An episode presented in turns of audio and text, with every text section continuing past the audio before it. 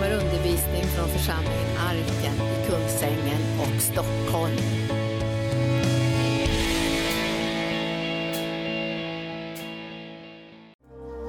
Jesus. Halleluja. Tack Jesus. Prisa Gud. Halleluja. Och välkomna med det helige Ande att göra ordet levande för oss. Vi är här för att våra hjärtan behöver födas bli fyllda av den sanning som ditt ord ger oss. Så att vi kan leva på rätt sätt inför dig, så att vi kan förhärliga ditt namn, så att vi kan ta emot allt det underbara som du har gett oss och få tro på det som du har utlovat. Vi ber Herre att eh, din församling och ditt rike ska ha framgång och utbreda sig. Vi ber att det ska få eh, inflytande i den världen som vi lever i nu. Så att mörkret får böja sig och flytta sig undan och ljuset får bryta igenom. Vi tackar dig för att vi har blivit utnämnda till att vara världens ljus. Och vi tackar dig Herre för att vi med frimodighet kan räkna med att det ljus som du har gett oss, det är starkare än det mörker som vi möter. Så att mörkret viker och ljuset vinner seger. Vi proklamerar ditt herravälde över församlingen, över oss själva, över det liv som vi har att leva här i världen. Och vi ber Herre att vi ska få bära en riklig frukt som ger dig ära. I Jesu namn och församlingen sa Tack lovsångare. Idag ska vi gå till någonting väldigt eh, ska jag säga, eh, välbekant. Eh, och det är ju så att vi predikar ju inte bara för att ha predikat en gång så vi prickar av att nu har vi predikat över den här texten. Så är det gjort och så kan vi ta en annan text och predika över en annan gång. Utan vi predikar ju för att nå mål. Och eh, vi predikar för att väcka tro och vi predikar för att ge föda eh, till oss som står i alla möjliga olika situationer där vi ska liksom representera Guds rike och utbreda Guds rike också. Och eh, nu ska vi gå till Apostlagärningarna och läsa där från vers 42 i andra kapitlet.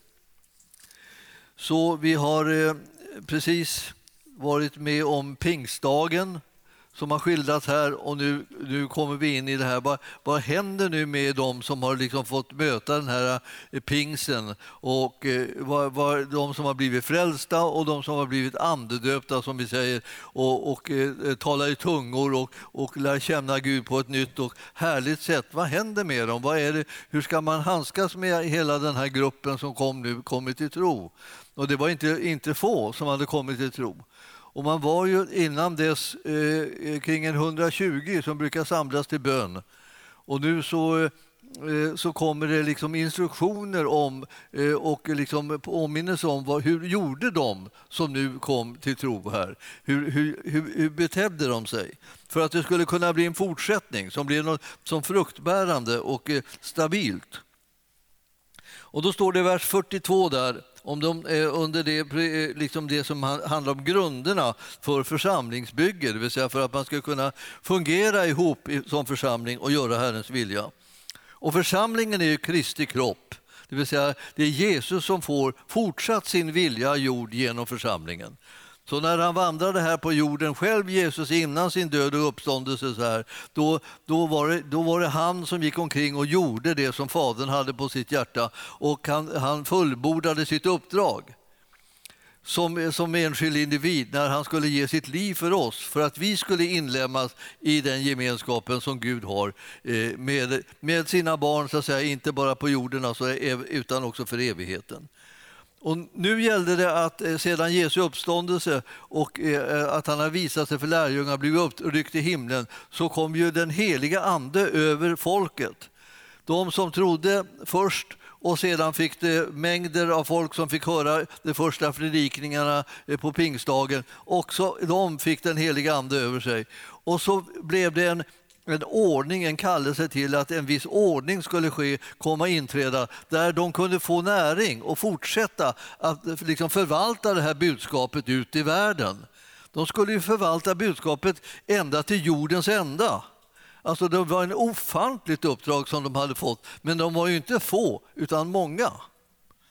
Och ju fler de blev hela tiden, eh, därför att de höll sig till den här ordningen som Gud hade gett, så blev det som att det växte till och det utvecklades, det andliga livet. Och Guds församlingar började bli, så att säga, grundas och starta lite överallt eh, på nya platser där, där, där evangeliet inte hade hörts och så höll man på så här. Vers 42 står det, de höll troget fast vid apostlarnas lära och gemenskapen, vid brödsbrytelsen och bönerna. Det är de där fyra benen som man brukar tala om att en, liksom en stadig stol ska ha. Eh, det är lättast liksom att hålla balansen när man sätter sig på en med fyra ben. Så ni sitter ju ganska skönt nu och tryggt. Och det, det är därför att det är fyra ben. Hade det varit tre, om man bara tog bort ett, så hade det plötsligt eh, blivit väldigt vingligt just därför att det var tänkt att det skulle vara fyra. Om man hade tänkt att det skulle vara tre så kan man placera benen på ett annat sätt och ändå få en viss stabilitet, även om det inte blir riktigt samma stabilitet som när man har fyra ben. Men det där att Herren vill att vi ska ha fyra stycken ben, det vill säga fyra saker som håller upp den, den kristna tron så att säga, och gemenskapen mellan de kristna. Om inte de är på plats och man rycker undan ett eller två så får man en väldig svårighet att sitta på den där stolen. Eh, alltså, den är inte gjord för alltså, att det skulle bara vara två ben eller tre, utan den är gjord för fyra. Alla fyra måste in. Och när vi, när vi håller på och bygger församling och när vi tillsammans tänker på vad ska vi göra nu då för att liksom det kristna livet ska fungera och vi ska fungera ihop och alltihopa det Jo, vi ska hålla oss till de här ordningarna som eh, Bibeln har gett oss om att vi behöver starta och fortsätta med att bygga en församling med fyra ben. Det är ett minimum, så att säga, har man säga. Om du vill sätta dit lite fler ben så har inte de liksom så väldigt mycket stödjande kraft egentligen, utan det blir inte mycket starkare av det. Eh, och även om du skulle ha liksom hela sidor runt omkring så här ända ner från, från stolen, som man ibland gör när man gör en, någon form av pall eller så där, så, så blir det inte särskilt mycket stadigare än det blir när man har fyra ben. Och ni kommer att se, se det här, att de här fyra benen de, de, kommer att säga oss någonting vad det är vi ska satsa på för att vi ska kunna få ut evangelium fortsättningsvis. Först har vi blivit frälsta själva och glada och, och allt så här. Och så har vi blivit andedöpta och så har vi liksom blivit alldeles liksom fyllda med kraft och eh, känner att det är ingenting som är omöjligt för oss som tror. Och sen, sen, sen är det då församlingen. då. Och då är det en del som tror att nu kommer församlingen och den blir liksom en väldigt tung grej som man måste gå omkring och släpa på. Eh, men den är förutsättningen för att det ska kunna bli en fortsättning. Och eh, här ska ni läsa nu då vad det är som gör det här. Alltså, de som hade tagit emot hans ord och fått tro, alltså, lät döpa sig och så ökade antalet lärjungar den dagen, alltså i vers 41 är det, med omkring 3000. Den dagen ökades lärjungaskaran med 3000. Jag har ofta tänkt på det. Liksom, jag är inte riktigt säker på att jag siktar på att just en dag ska öka församlingen med 3000. Ja, det är nästan så att jag, jag har sagt ibland att vi ska, vi ska växa till tusen. Och då har jag inte tänkt att det ska ske på en dag heller. det. Utan jag tänkte att vi så småningom ska bli tusen. Liksom, mera, mera vi, många dagar, veckor och månader, kanske år liksom, som vi håller på med för att målet är att vi ska kunna växa till tusen. Men, men det här att få det hela det där eh, högen med 3000 på sig på en dag, då blir man nästan chockad. Alltså, ska, hur ska man hinna med att säga allt till alla och liksom undervisa alla och hjälpa alla och trösta alla och uppmuntra alla och, och allt det här? Hur ska man hinna med det? Ja, det, det, det finns ju ett sätt som man gjorde det på, nämligen man hjälptes åt. Det är fortfarande den modellen som är den bästa för oss här också i, i Guds församling. Man hjälps åt. Man gör olika saker, men man uppfyller liksom alla behoven liksom på olika sätt genom det som, som eh, man bidrar med var och en. Men för att det ska kunna ske så måste man på något sätt själv få en input ordentligt i sitt liv och få det stabilt och om och om igen. Och man vet att det här, jag, får, jag får hjälp, jag får någonting att leva av. Jag får någonting som gör mig stark och gör mig vis och gör mig klar och gör mig liksom, eh, eh får, att jag får uppenbarelse om vad, vad som är sanning och, och vad jag ska ge till den ena och vad jag ska ge till den andra. Allt det där har Herren tänkt på. Det är därför han har gett de här fyra benen.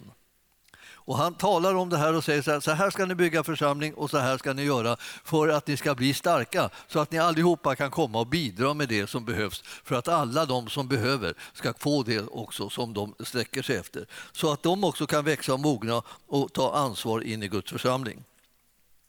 Alltså, apostlarnas lära, det är alltså bibelordet, det, gemenskapen är den att man överhuvudtaget kommer tillsammans. Som till exempel nu. Eh, då får man, får man två delar, det vill säga man får del av apostlarnas lära, det vill säga det, det kristna budskapet från bibelordet och så, får man, eh, få, så kommer man samman och så får man höra det tillsammans så att man inte hör olika saker utan man hör ett och detsamma som gör att man kan gå på en och samma väg ganska lätt. Det vill säga det, vi, vi har hört det samma saker och därför så går vi åt samma håll. Börjar man höra åt alla möjliga olika håll så börjar det så småningom bli liksom förvirrat i församlingen och man kommer att liksom, eh, undra om vilket håll man ska gå åt. Och eh, det, Gud har tänkt på alla de här sakerna, men du vet att man måste liksom gilla läget. Alltså att Herren har tänkt på det. Han har gett en instruktion om hur man ska bygga församling och vad man ska tänka på att ha där så att det ska kunna bli stabilt och att det ska kunna bli sammanfogat och enat så att man går tryggt åt ett och samma håll. Och Det som hela tiden är grunden för det och som, som vi, vi behöver kanske eh, tala om mycket mer i vår tid, och det är liksom, grunden är bibelordet. Grunden är inte vad tycker du eller vad tycker jag, eller så, utan grunden är bibelordet. Vi måste kunna gå till bibelordet och, och göra skäl för vår tro. Se, här står det, här är det, så här bad, så här, och, och det gäller fortfarande för oss idag. Och så följer vi det som står i skriften och inte något annat. Och då blir det här med församlingsbygge någonting som man kan känna till hur man gör det. Och man ska, vi vet vad det är man ska respektera när det gäller Guds församling, hur den byggs, därför att det står skrivet att så här byggs den och det här ingår i Guds församling. Och då vet man alla de där sakerna, då vet man ju liksom också att nu är jag liksom på trygg grund och nu kan jag liksom arbeta efter de här riktlinjerna som står i Gudsordet. Och jag, jag har bestämt för mig för, i mitt liv liksom att, att jag tänker hålla mig till den här bibliska modellen. Och den, jag, jag märker ju att den liksom är, håller på att lösas upp på olika sätt bland Guds församlingar. Att de inte längre vill följa den bibliska modellen, de vill ha liksom andra modeller.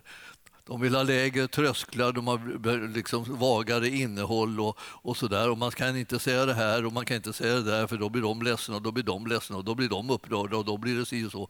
Vi, vi kan säga precis allt som står i skriften. Vi kommer att kunna göra det och jag tror att det är det som har framgång och det, det som kommer att ha bestående verkan så att säga, in i människors liv. Så att deras liv också blir stabila i tron. Så vi, vi skäms inte för evangelium, ni vet som det står i Romarbrevet i början där. Att eh, vi skäms inte för evangelium.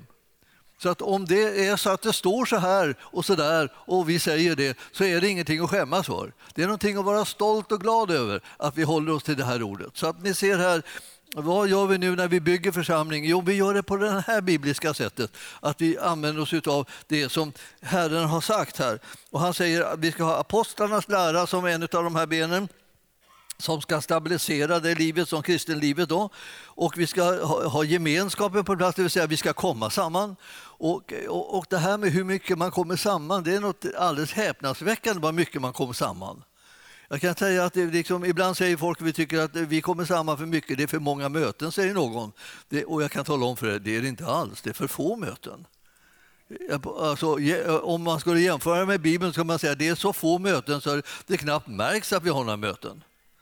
För förr hade man möten av en helt annan, med en helt annan täthet. Alltså man visste att man behövde de här mötena, annars skulle man inte kunna överleva och klara av att föra ut evangelium i liksom en fientlig värld. Och vi har, vi har precis samma läge. Vi har en fientlig värld när det gäller vilket, mot kristendom. så att säga. Och vi behöver vara väldigt starka, motiverade och väl grundade i det som vi håller på med för att vi ska kunna föra ut evangeliet och utan att skämmas tala om vad vi tror på och vem vi tror på. Och Herren kallar oss naturligtvis i Guds församling att, så, att använda oss av de här möjligheterna. Så tro inte ett ögonblick att ni har kommit på någon, någon ljus idé när ni säger liksom att vi ska ha färre, färre möten, utan det är liksom en obiblisk idé. Och vi, den bibliska idén är att vi borde ha fler möten. Ja. Och då tänker, jag, men milde tid, så det, det här blir ju pressat. Nej, det här blir nyttigt. Nu har jag inte tänkt att vi ska kasta oss in med en enda gång och ha lika många möten som man hade på den här tiden. För då skulle vi liksom chockas liksom av den goda impuls som vi får. För vi liksom kan, slut kan man inte tänka på något annat än vad, det, vad som handlar om Jesus därför att det pågår möten hela dagen. Liksom varenda dag så, här, så är det möten, möten, möten. Så här. Och det, det, det här var ju liksom någonting som man tog på det alldeles blodigt allvar, så att säga, att följa Jesus och vara laddad med den sanning som han hade för oss. Han ville göra oss till brinnande, övervinnande, radikala sådana här kristna som vi hörde lite om. Och jag måste säga, jag gillar radikal kristendom. Och jag menar, om, om du tänker att du vill inte ha någon radikal kristendom, du vill ha någon slags sömnaktig kristendom, ja, då har du kommit till fel ställe. För här ska det bli radikal kristendom. Är det inte radikal kristendom så ska det bli det. Och, och, och är det så ska det förbli det.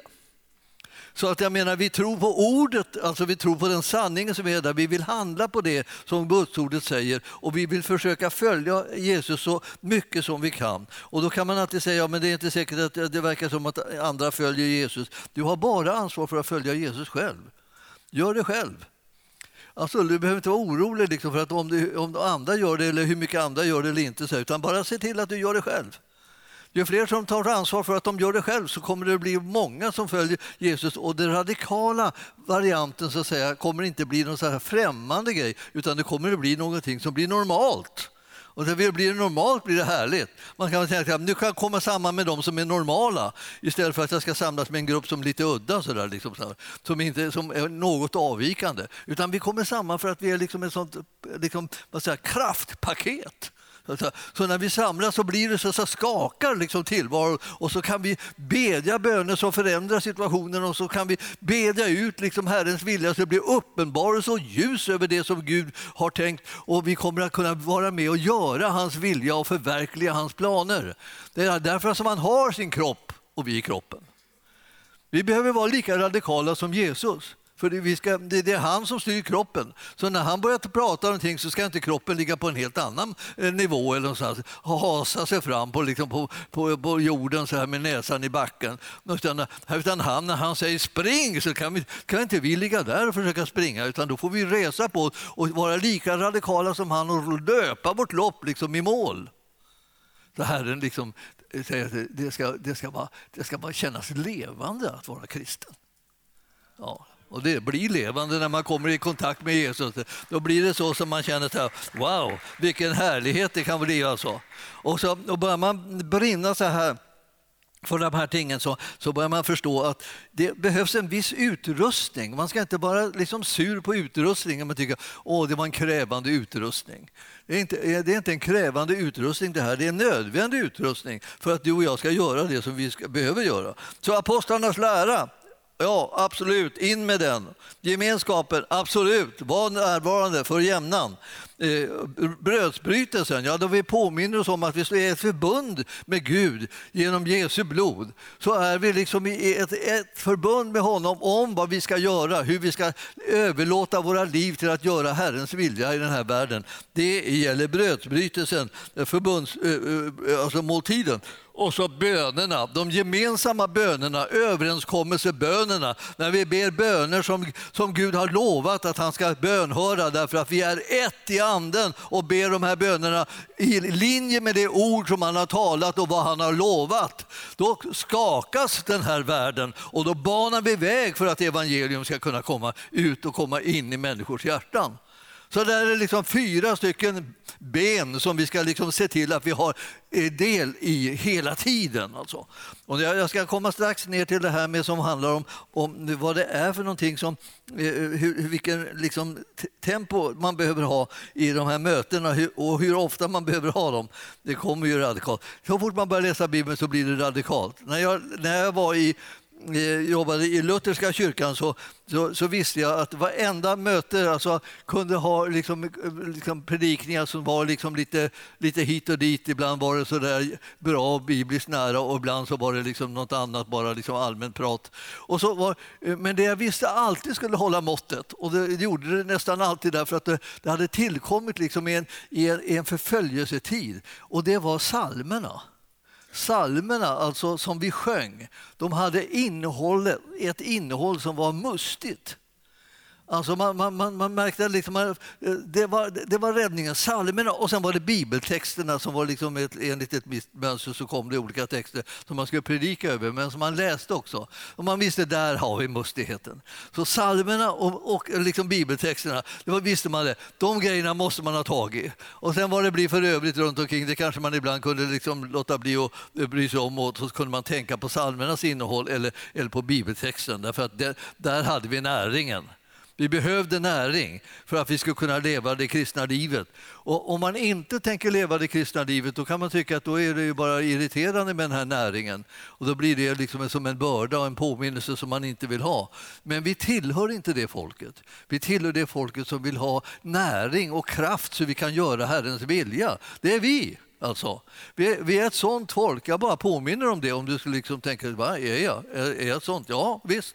Du förstår, det här är det som är det bästa med livet, att man följer Jesus och tjänar honom och brinner för honom också. Alltså det, jag, jag tycker att det är så ljuvligt att tänka på att det, vi får tjäna Gud.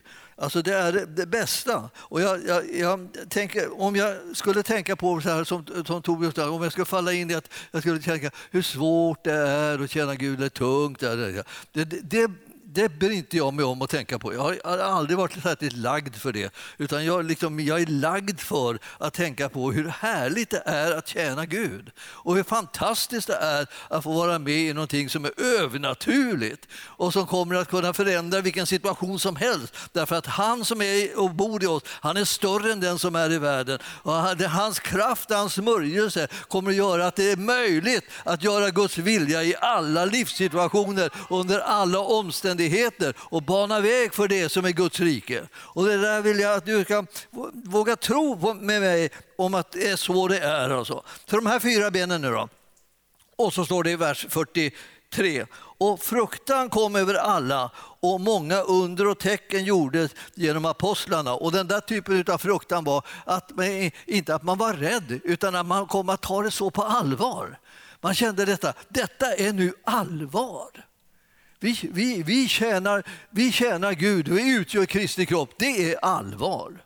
Det är inte en lek, det är allvar. alltså. Och allihopa insåg att det här var allvar när de hörde det och kände det här måste vi liksom nu göra med hela hjärtat, med all vår kraft och alla våra möjligheter. Vi satsar på det helt enkelt.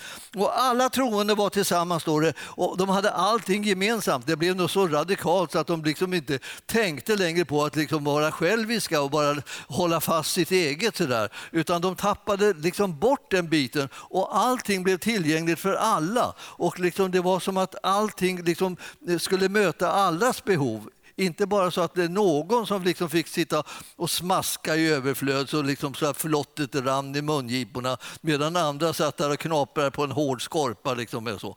Det var liksom inte den där ojämställdheten, liksom, utan alla fick del av det som fanns tillgängligt. De hade allting gemensamt. Ni förstår, de, blev, de sålde sina egendomar och allt vad de ägde och de delade ut till alla efter vad var och en behövde. Det var liksom behovsprövat liksom, kan man säga. Alla, alla fick det där som de behövde. Och eh, de fick inte massa som de inte behövde och som skulle bara lägga någonstans liksom, och som skulle mögla och bli ruttna eller, eller förstöras på något sätt. Utan de fick bara det de kunde behöva och det de skulle kunna sätta i sig och som mötte deras behov. Och sen fick andra andra delar och så delade man med sig och såg man till att alla hade fått det de behövde. Det blev en radikal eh, liksom, sätt att handskas med de här sakerna på som vi inte har, har sett röken av på åratals åratal. Det kommer ibland i vissa väckelser under vissa speciella förhållanden men för det mesta så, så, så sköter var och en sin ekonomi och, eh, och vill helst inte att någon petar i den. Om man vill ha stora spänningar så ska man börja peta i varandras ekonomi. Då, då, då, är, det, då, då är friden borta, kan man säga. Då, då, då blir alla liksom kränkta och för, förnärmade och tänker du släpp mina pengar, det, du har ingenting med dem att göra. Men du vet att Herrens ande kan komma och förvandla oss i vårt inre så att inte ens våra pengar blir viktigast av allt utan det blir Guds rike och Guds rikets möjlighet att spridas och vara till välsignelse som blir viktigast. Men det där är något verk som Herren gör. Det behöver vi inte göra åt varandra och, och, och, vi behöver kanske möjligen ställa oss själva till förfogande så att vi har en viss flexibilitet ja, beroende på vad som behövs i Guds rike. Så att vi känner att när det blir stora behov i Guds rike, ja, då är vi där och gör oss delaktiga. Och så, så är det i allmänhet att det fungerar. Att vi, när vi känner igen att behoven finns där, då, då, då skjuter vi till mera för att vi ska kunna täcka behoven. Och, eh, och då är det de gemensamma behoven som är i Guds rike. Då. Ja, de sålde alltså egendomarna och de delade ut det till alla och efter vad var och en behövde. Varje dag så, vad så hände det här alltså, att de var endräktigt tillsammans i templet. Och det var där Jesus höll till alltså, eh, eh, om dagarna. Han var uppe i templet och hade undervisning i, eh, och en slags bibelundervisning och så, i, i, i Salomos pelargångar. Det var ju liksom en, en, en sida utav den yttre tempel, tem, på den yttre gården där så var det en pelargångar och eh, under tak som man kunde eh, slippa vara liksom i den gassande solen. Och så eh, höll han på och undervisade där. Och då fortsatte lärjungarna med att de gick också dit och hade, hade alltså eh, studier liksom och predikade och undervisade för att eh, kunskap om vem Jesus var skulle komma ut mer och mer och mer. För det här är ju efter hans uppståndelse och himmelsfärd, så han var inte med där själv. Utan nu var det liksom lärjungarnas tur att liksom ta över eh, stafettpinnen och eh, sätta igång och för, undervisa och förkunna så att folket skulle veta vad de, vad de hade anledning att tro på, vad Jesus hade gjort och vad det betydde i människors liv och hur man ska kunna följa honom eh, tillräckligt radikalt och leva på ett sådant sätt så att eh, det här nya livet höll. För det är ju en utmaning att leva ett nytt liv i, i en samma miljö. Det vill säga man, man ska plötsligt bli annorlunda, man ska plötsligt liksom kunna eh, hålla fast vid en tro eh, som eh, omgivningen inte tror på utan är emot. eller så. Att de har liksom bestämt sig för att de ska motarbeta den. Så. Och det, det blir ett väldigt tryck.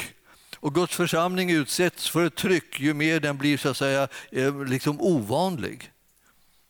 Så att, att, man bildar liksom församling eller grundar nya församlingar och så där, det är ofta det att det blir ovanligt eh, på det ställe där man är, där alla tycker att det var tillräckligt många församlingar förut. Och eh, då, då är det, för att det ska kunna bli, vara Gud då, så behöver man ju veta liksom att, att man har hört från Herren och att det är därför som man liksom grundar församling, för att den sedan ska kunna bli hållbar. Men man behöver bygga den alltid på det sättet att man bygger enligt den här modellen som finns i bibelordet. Och om, om man inte gör det eh, så kommer det hela eh, gå överstyr eh, i alla fall. Alltså, även om det var så att det var Herren från början men så brydde man sig inte om hur han ville att man skulle bygga den. Så därför så blev det som att bygga på lösans hand. Så det var inte något fel då kanske på själva kallelsen men det var ju fel på liksom att man inte ville fortsätta att lyssna på hur han ville göra det här. Och eh, det, där är, det där är viktigt, och eh, när, men man får alltid liksom en viss krock med omgivningen när man, när, man, när man väljer att gå en annan väg. Och Många av er som har valt att gå liksom en annorlunda väg genom att bara komma med här i en sån här församling och komma hit på bibelskola eller göra sådär, har gått en annan väg än vad omgivningen tycker var, liksom var nödvändigt. De kanske säger till dig, vad, vad är det för fel på det som vi har här då? Vad behöver du gå dit för? Varför? Du, kan ju, du kan ju få läsa Bibeln och studera Bibeln Bibeln här, vi har ju bibelstudier här, varför ska du gå dit? Och, bara så här och så håller man på liksom och invänder mot att man tar steg sådär. Och, eh, eh, ibland så är det ju det så att, att man, man måste ta ett steg eh, och göra det eh, så att säga, i, i, ett annat forum ett tag för att kunna komma tillbaka och, och, och sedan eh, vara ett i det som man har varit förut och bli till välsignelse där. För, eh, för man, man, får inte tag i det eh, i det egna sammanhanget så lätt därför att där finns hela den traditionen väldigt starkt om hur man gör de sakerna. Och det, och det där har, har, nästan alla känt på som har tagit några steg åt något håll någon gång. Att det liksom blir ett tryck på en. Det där trycket kan ju vara hälsosamt också om man, om man lär sig att ta det på rätt sätt. Det vill säga att man håller sig närmare Herren och, liksom, och eh, fokuserar på honom och inte blir bitter eller arg eller, eller, liksom, eh, eller hämndlysten eller någonting sånt där. För det, det är en återvändsgränd. Utan man klarar man att liksom fokusera på Gud så kommer man kunna ta sig igenom de här eh, så att säga, något trängda platserna och eh, kunna komma ut på andra sidan med, med, med livet i behåll. Och då är man ofta liksom luttrad så att man verkligen vet vad det är man tror på och vad det var man inte tror på. För man släpper sånt när, när trycket blir för hårt om det inte är allvarligt menat. Var och en, varje dag står det, var de endräktigt tillsammans i templet och i hemmen så bröt de bröd och eh, höll måltid med varandra i jublande innerlig glädje. Varje dag var det så där. Varje dag i templet, varje dag i hemmen, varje dag liksom gemenskapsmåltid med varandra. Och eh, det var liksom eh, ett, ett jubel och en glädje därför att de fick komma samman och vara ett. Vi tror detsamma, vi tror tillsammans. Vi är, vi är ett. Vi ska göra Herrens vilja tillsammans och vi vill höra samma saker så vi vet att vi går åt samma håll och håller ihop kroppen. Ska vara, kroppen ska kunna hålla eh, och då får den inte spreta utan den måste liksom hållas ihop. Och Det här är det som eh, man lär sig när man håller, har träffat så här mycket och, håller, och hör detsamma och eh, liksom låter de här fyra benen vara det som stabiliserar det andliga livet. Sen finns det ju en annan sak som också Herren har gett oss till församlingen. Och det är han har gett, han har gett eh, olika tjänster till församlingen som ska tjäna församlingens medlemmar så att de blir det som Herren har tänkt och att de kan göra det som de själva har blivit kallade till. Så tjänster eh, betyder precis det som de ursprungligen betydde, nämligen att man är sådana som tjänar. Eh, det är inte så som man ibland fått för sig att de har blivit ändrat betydelse så att en tjänst är sådana som härskar. Utan det är sådana som tjänar som, som en tjänst är. Man tjänar inom bestämda områden. Man har fått gåvor eller utrustning eller, eller liksom en speciell kallelse att göra bestämda saker. Och de, med, de, med de gåvorna och den kallelsen så tjänar man de övriga syskonen så att de får det, del av det som man har fått av Herren att göra. Och på det viset så stärker man dem så att de kan göra sin tjänst i sin tur. Så min uppgift är att tjäna er och så att ni får göra er, er sak i er tur. Och sedan får ni tjäna andra för att de ska göra, kunna göra sin sak i sin tur. Och så håller vi på så här och tjänar varandra. Och, eh, och, och vi, det, det, är mycket, mycket enklare det här än, än man ibland tror. Alltså, eh, och det framför allt, ska jag väl säga, så är det här inte en maktkamp. Utan det här handlar om en kallelse och en smörjelse som Herren ger till olika folk för att de ska tjäna på olika sätt och inom olika områden. Och, eh, man kan lätt få för sig liksom att det är lätt att, vara, liksom, lätt att kunna liksom, eh, bestämma eller ha makten eh, liksom, i delar utav, av en församlings grenar. Men det är inte så lätt som det ser ut. Utan om det vore det så skulle man ju kunna bara liksom skrika till om olika saker och så måste alla rätta sig efter det. Men så går det inte. Utan det, det, här, det som sker är att om inte vi har liksom ett ömsesidigt förtroende för varandra så fungerar vi inte och kan inte välsigna varandra. Så om inte ni har förtroende för mig kan jag inte välsigna er. Det spelar ingen roll vad jag gör, det spelar ingen roll vad jag ger, det spelar ingen roll vad jag säger eller någonting. För att eh, har ni inte förtroende för mig tar ni inte emot det och då, då blir liksom det jag gör fullkomligt fåfängt. Men om ni däremot har förtroende så kommer jag kunna välsigna er med de gåvor och den utrustning och den, den, den kunskap och vishet som jag har fått genom Herrens smörjelse. Och det är det eh, min uppgift är till för i förhållande till er. Så att därför så är det så att man, man måste komma ihåg att man sätter värde på varandras gåvor och tjänster. Och, och, ibland så är det inte så lätt att se de här sakerna eh, hos varandra. Utan det, det kan gå, gå, långa tider innan man gör en ordentlig upptäckt vad det är som den ena eller den andra har för gåva. Men när man väl ser den så kan man göra anspråk på den och vilja ha del av den. Så, det, så där är det, är det ibland. Och det en, eh, ibland så går folk och väntar långa tider liksom på att någon ska upptäcka vad det egentligen är man har fått för gåva. Och, eh, och vi, vi ber om detsamma. Vi önskar också att vi ska se vad folk har fått för gåva. För när någon får en gåva från Herren och vi ser den så, så kan vi liksom kalla på den för att den ska liksom komma in i funktion. Och när det sker så blir vi välsignade och den personen själv blir välsignad för att den kan bli till välsignelse. Det finns ju inga, få saker som är så härliga som att kunna bli till välsignelse.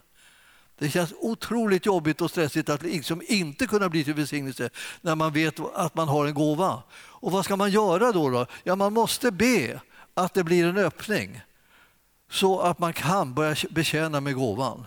Man får göra det på alla möjliga olika sätt och man kan göra det i olika omfattning. Men man sätter igång och tjänar med gåvan. Och då, eh, eh, även om det är alldeles så lite, som är liksom, det är bara liksom rent pinsamt lite, lite som man håller på, så är det den vägen man går. Man går inte genom att man blir arg för att ingen upptäcker det, vad man har eller så. Man går inte för att ingen liksom blir arg för att ingen öppnar för en så att man kan komma in och göra det som man egentligen blivit kallad till. Utan man, man tar det här med gåvan och så tjänar man med den i, i den absolut lilla minsta grad som det går ibland om det inte öppnar sig väldigt lika snabbt. Så tjänar man med de stegen som man kan ta och så håller man på så där tills Herren öppnar vägar för en som ett svar på den bön som man ber. Jag tror att jag tror inte alltså, alltså man, kan inte, man kan inte vara arg på folk som, som går in i, i, i tjänster och gåvor och funktioner som man, själv inte, eh, som man själv skulle vilja gå in i. För att det är ingen som kommer att ta din plats. Din plats kommer att visa sig vara helt ledig och öppen och precis för dig. Det, jag tror att det är den där principen när ni vet att ingen tränger den andra. I själva verket liksom är det så att Herren har liksom tänkt på vilken funktion du har, fått och vilken gåva som han har eh, kallat dig in i. Och så har han gjort det, gett en plats för dig och så väntar han att du ska gå den vägen som du ska gå för att komma in på den platsen. Och den heter bön. Inte strid, inte bråk, inte någonting sånt här, inte avund, inte någonting sånt. Utan bön heter den och så tjänande. Bön och tjänande är alltid vägarna för att det här öppnar sig. Och de säger, ja men varför öppnar det sig inte för mig? Fortsätt med mera bön. Fortsätt med mera tjänande. Alltså vägen går alltid dit. Det, det, jag, jag, jag har sett det där och jag, jag, har smakat på det och jag har stått i, i alla möjliga liksom, säger, situationer då jag inte har kunnat egentligen göra någonting för någon. Eh, vad jag kunde se. Liksom. Jag började göra det i så liten skala så ingen ens märkte någonting. Men alltså det, det, det, här är, man kan inte veta liksom hur lång väg man har att gå. Det, eh, svaret är egentligen alltid bara eh, eh oavsett hur lång väg du har att gå, gå åt vägen. Oavsett hur länge du behöver be, be. Det är inte liksom så här, att du ska ha liksom ett besked om hur, hur lång tid tar det här. Liksom. När får jag bönesvaret? När blir det som jag, som jag känner att Herren har sagt att det ska bli? Jag kan inte svara på det och ingen annan heller. Du behöver bara gå vägen. Och eh, man kan säga att det är viktigaste ur Herrens synpunkt är inte precis vad du gör eller hur länge du gör det ena eller det andra, utan att du tjänar honom med din gåva. Stort eller litet omfattning men man gör det. Och därför när vi ser här hur de kommer samman så får de höra hur man, hur, och de får höra också om hur, hur, vilken attityd eller inställning man kan ha till varandra och så sätter man igång och försöker tillämpa den själv i sitt liv genom att vara tjänare på det plan som man hittar liksom en plats och behov. Och jag ser ofta det här med behov är väldigt viktigt för att vi när, vi, när, vi, när vi börjar vilja tjäna genom att möta behov så börjar det bli en liten uppskattning av den tjänst och den gåva som man har fått. Om man ger mängder eh, med tid kanske åt att hjälpa människor, att, att stötta människor, att, att uppmuntra människor och så där, så kommer det så småningom innebära liksom att man får öppningar för att beröra människors liv på andra, många andra håll också på många andra sätt. Man kan börja få betjäna dem och hjälpa dem. Alltså, och det är alltid någonting som man måste få tillåtelse att göra, ni vet. Man kan inte tvångshjälpa folk. De, liksom, de sätter sig på tvären så det dånar om det om man gör det. Utan man måste ha så att säga, någon form av inbjudan, någon form av öppning som säger du får komma, du får hjälpa, du får, jag, jag, jag tar emot hjälpen ifrån dig. Och så börjar det liksom det bli så att man kan välsigna in, in, in i olika situationer. Och så kan det här växas till. Det, finns inte, det finns inte, församlingarna är inte byggda för att det ska vara någon ovilja eller omöjlighet att komma in i sin kallelse. Utan församlingen är egentligen byggd och tänkt så från Herrens sida att det ska, man ska underlätta och hjälpa var och en för att komma in i sin kallelse. Men man kan inte göra det som är själva vandringen på vägen fram mot det målet eh, åt någon annan. Men man kan vara styrkaren på vägen. Och då eh, vill jag eh, ta det här att Eh, Eh, de, de var tillsammans här i jublande glädje. De prisade Gud och var omtyckta av allt folket. Och Herren ökade var dag skaran med de eh, som blev frälsta. Det var alltså ett tillflöde hela tiden med folk som blev frälsta därför att man hade den här ordningen igång i församlingen. Församlingen träffades, församlingen var välsignad av det, församlingen hade uttryckt kärlek och omsorg om varandra.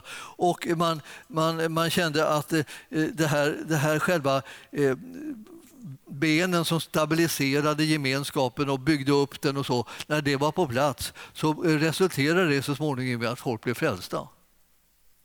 Jag brukar tänka på så liksom, vi tänker nästan en, enbart på hur ska folk bli frälsta? Hur ska vi få igång eh, evangelisationen? Hur ska vi få ut dem som evangeliserar och ut till folket och få dem frälsta? Och, och, och visst eh, måste man ut så och få, få, få folk frälsta, men eh, eh, lika mycket handlar det om hur, hurdan är den församling som du bygger. Eh, om du har en församling som du bygger och du, och du bryr dig om att bygga den stabilt och ordentligt och du bryr dig om liksom att församla församlingen så att de kommer samman och eh, eh, betjänar varandra och lever samman och välsignar och lyder Herren och alltihopa det här och bryr sig om att lyssna till hans ord och, och, och prisa och upphöja honom. Om det här är någonting som vi bryr oss om i församlingen, då kommer folk bli frälsta. Så att det blir en frukt av att, det här, att församlingen byggs starkt och ordentligt så att folk ska bli, kunna bli frälsta. Så det handlar inte bara om att göra en evangelisationsorganisation utan det måste till en församling för att folk ska bli frälsta och bli så att säga, bestående som frälsta. Och den sista biten som jag ska tala om nu bara så är, är, helt kort och det känner ni ju alla redan till men jag tar den ändå därför att jag tycker att den är så viktig för, för oss att liksom ha levande. Och det är från, Efesierbrevet 4 och 11 om tjänstegåvorna eftersom de ofta betraktas som liksom, och ser ut som och kanske också behandlas som om det vore liksom någon form av maktposition som man har när man är en tjänstegåva. Och eh, jag vill säga, det är klart att, att man har ansvar för att leda en församling som pastor. Det, det är klart att man har. Eh, men, men, eh, men inte, inte så att, att man tvingar folk till saker och ting. Men man måste sköta liksom församlingen som helhet. Och för att man ska ha ett skydd, kunna skydda församlingen och församlingens medlemmar så måste man vara, vaka över församlingen. Och det är inte ett ställe där alla bara gör vad de vill, utan vad vi gör i församlingen är att vi söker Herrens vilja och vill göra hans vilja tillsammans. Så vi behöver samordnas för att göra hans vilja och det behöver man ledarskap till. Annars så blir liksom inte det där av riktigt ordentligt, utan det blir bara virvar av det. Och det vill vi inte ha, det har vi inte tid med när vi ska föra ut evangeliet. Så eh, fjärde kapitlet och elfte versen så står det hur han gjorde då för att, eh, för att han skulle kunna eh, få sin vilja eh, gjord i, i den här världen. Så sa han alltså, då gav han några till apostlar, det vill säga några gav han uppgiften att vara apostlar. Och eh, det var de som skulle ut och plantera församlingar, nya församlingar på nya ställen. Ehm, och ehm, eh, andra så eh, gav han eh, uppdraget att vara profeter och de skulle särskilt tala in i olika situationer med profetisk smörjelse och uppenbarelse så att Herrens vilja blev tydlig och klar styrkte det som Gud hade lagt ner i människors liv och i församlingars liv. Och andra blev evangelister och de arbetade liksom för att föra ut evangelium med en speciell smörjelse och till kollektiv, det vill säga till stora områden och delar och folk och sådär. Eh, och, eh, och det var oftast i närheten av eh, mera den egna församlingen och så har det blivit för många. Alltså man har evangelisationen är det som ligger att föra ut evangelium fast i, i, i bygden runt omkring där församlingen ligger. Så inte långt avstånd som man kan ta sig dit när man väl har blivit frälst och andra till herdar och lärare. Och eh, det är det man behöver alltså eh, i församlingarna. Man behöver en herde och man behöver lärare som undervisar och tar ansvar för att eh, rannsaka skrifterna ordentligt så att undervisningen och läran är rätt.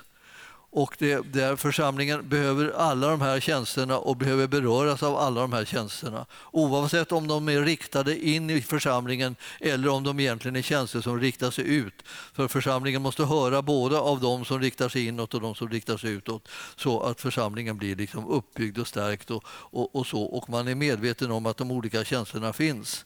Sen finns det många flera tjänster som är av den här arten, så att säga, som är tjänstegåvor. Och, eh, och eh, de, när de tjänstegåvorna uppstår så är det väldigt bra om man också haft besök av sådana, för då kan folk känna igen liksom det ibland får vi liksom fel tankar kring det här och det liksom, när vi får en tjänst så kommer det, så här, kommer det liksom någon som är, har en apostlatjänst och talar om liksom hur, hur den grundar församlingar ut över hela världen och, allt, och så här vidsvitt och så. Och så frågar de så här, är, det, är det någon av er ni som känner att ni är apostlatjänster kom fram? Och då, då, då kommer nästan alla fram och plötsligt känner att de är apostlatjänster.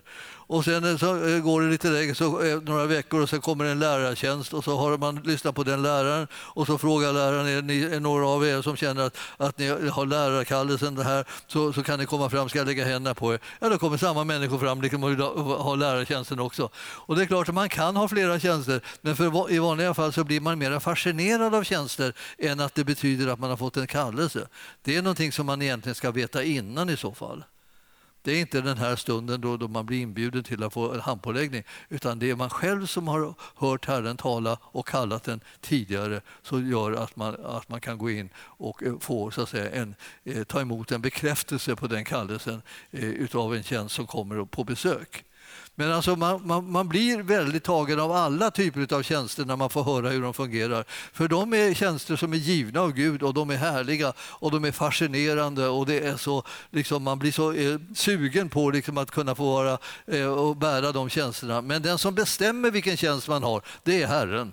Han kommer att tala till dig om det som du, han vill kalla dig specifikt till. Och är det så att du inte har hört att han har sagt något så är det inte något särskilt som, som du behöver oroa dig över utan då tjänar du bara inom det område där du känner dig liksom dragen eller, eller, liksom smord eller duktig liksom på, inom det området. Så tar du de gåvorna och ställer dig till Herrens förfogande. Så får han kalla dig när han vill. Det är inte du och jag som bestämmer när han kallar oss utan han, han gör det när han vill. Och för, oss, för många av oss är det så att vi, vi, vi blir kallade liksom i en helt annan tid än den som det handlar om att vi ska gå, när vi ska gå in i det här. Jag blev kallad till, när jag blev kallad till herde då var jag kanske 8-9 år. Någonting sånt. Jag hade ingen aning om vad jag skulle göra. Alltså, det enda herdar som jag kände till var kyrkoherdar. Och, och, eh, och, det var inte riktigt någonting som jag tyckte verkade så jättekul att bli. Jag hade en som bodde mitt emot när jag öppnade dörren så var kyrkoherden, han bodde mitt emot där jag bodde. Då. Så att eh, jag försökte undvika att öppna dörren precis när han gick ut jag ville inte riktigt ha en sån, liksom, sån tjänst, det var ingenting för mig. Men alltså, eh, eh, eller, eller präster och sådär. Men efter, efter ett tag när jag blev lite större så trodde jag att det var ingen annan att välja på. Det var ju bara präster och liksom av olika slag och olika titlar på dem som, som fanns. Och, eh, eh och då eh, utbildade jag mig till det.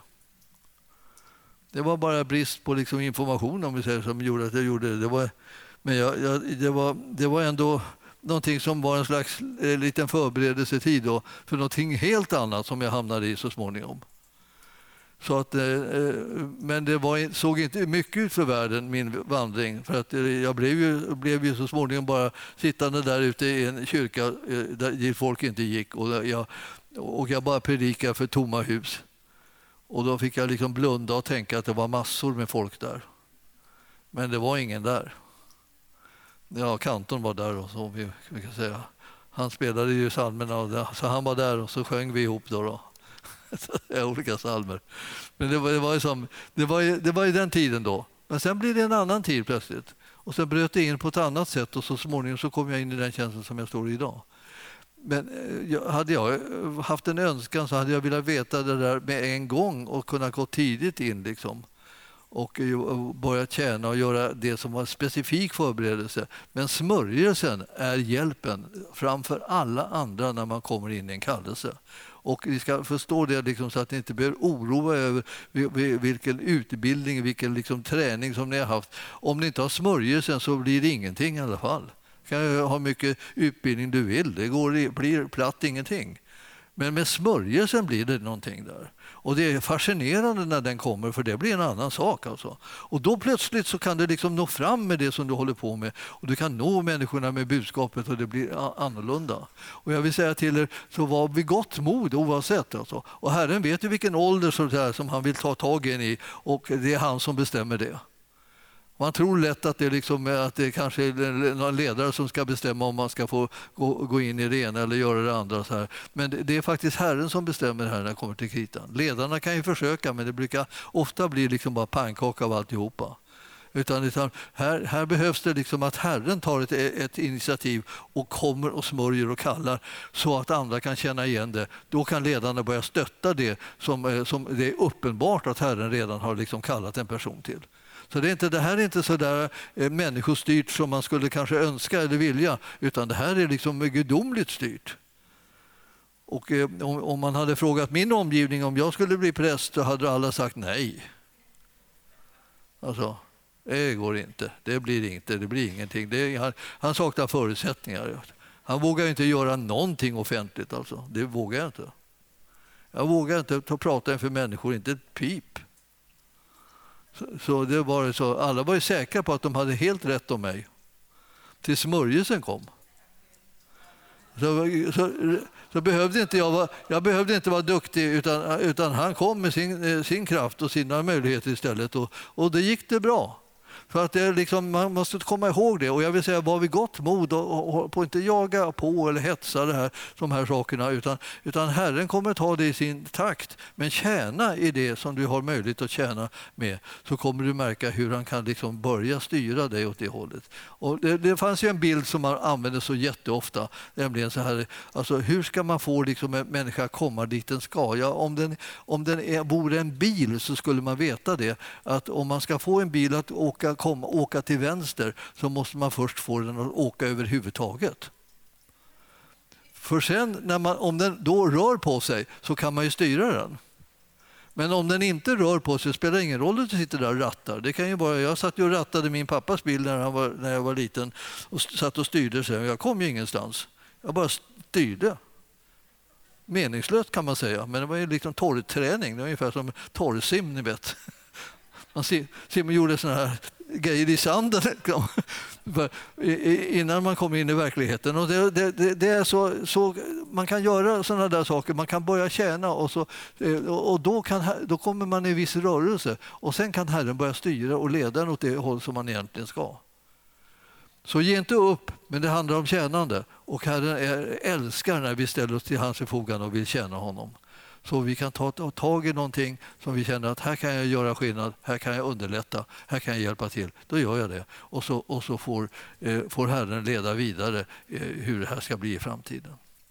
Himmelska Fader, vi ber att du som har alla möjligheter och du som har all insikt och kunskap om våra liv och om vår församling och om vår, vårt liv tillsammans med varandra och enskilt. Vi ber här att vi ska få en klarhet och en, en fördjupad förståelse av vad som är din vilja så att vi kan göra sånt som ger dig ära.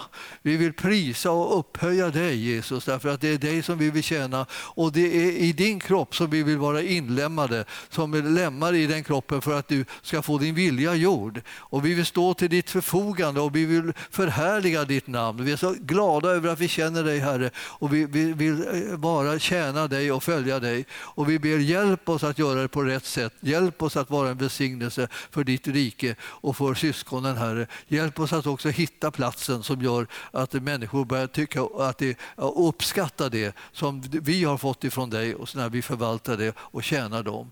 Tack för att vi kan främja varandras liv också, Herre. Tack för att vi kan underlätta för var och en vad den ska bli och göra så att eh, den inte tappar bort det som är din målsättning och, och din, dina möjligheter med, med deras liv, Herre.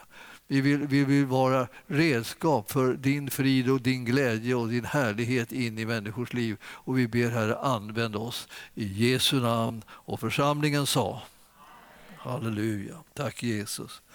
Tack Jesus. Ja, eh, det där med att man eh, bryr sig om liksom själva byggandet för att sedan kunna bära frukt, så att man får ut liksom det som är tänkt. Det, det, det känner jag är en allt viktigare insikt. Om vi inte, om vi inte bygger liksom på vår församling tillsammans och bygger den starkt så har vi svårigheter att nå ut så mycket som vi håller på egentligen att göra redan.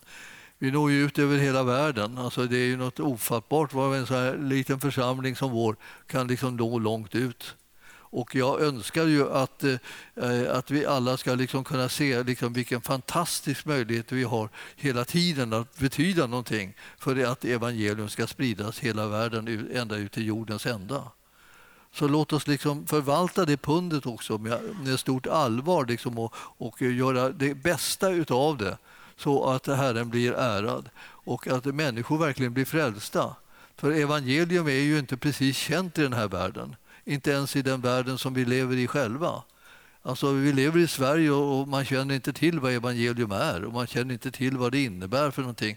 Och, och, utan, utan man får liksom gissa sig fram därför att ingen har berättat det för dem. Och vi är de som kan berätta det. Så att vi tillhör de som är väldigt väl rustade för att kunna berätta evangelium för människor. Så låt oss göra det där vi, där vi är, liksom, runt omkring oss, liksom, så här, bland människor som vi möter. Låt oss liksom, berätta vad evangeliet är så att så de andra får en chans att välja att ta emot det som vi har fått. Och vi, vi är så privilegierade så att jag vill säga till er, liksom, behåll det inte för er själva. Det är liksom eh, på snudd otillbörligt utan ge det vidare till, till andra människor så att de får också höra vilken underbar Herre som vi har. Halleluja. Tack Jesus. Tack för att du har lyssnat. Vill du få del av mer information om församlingen Arken, vår helande tjänst, bibelskola och övriga arbete, gå in på www.arken.org.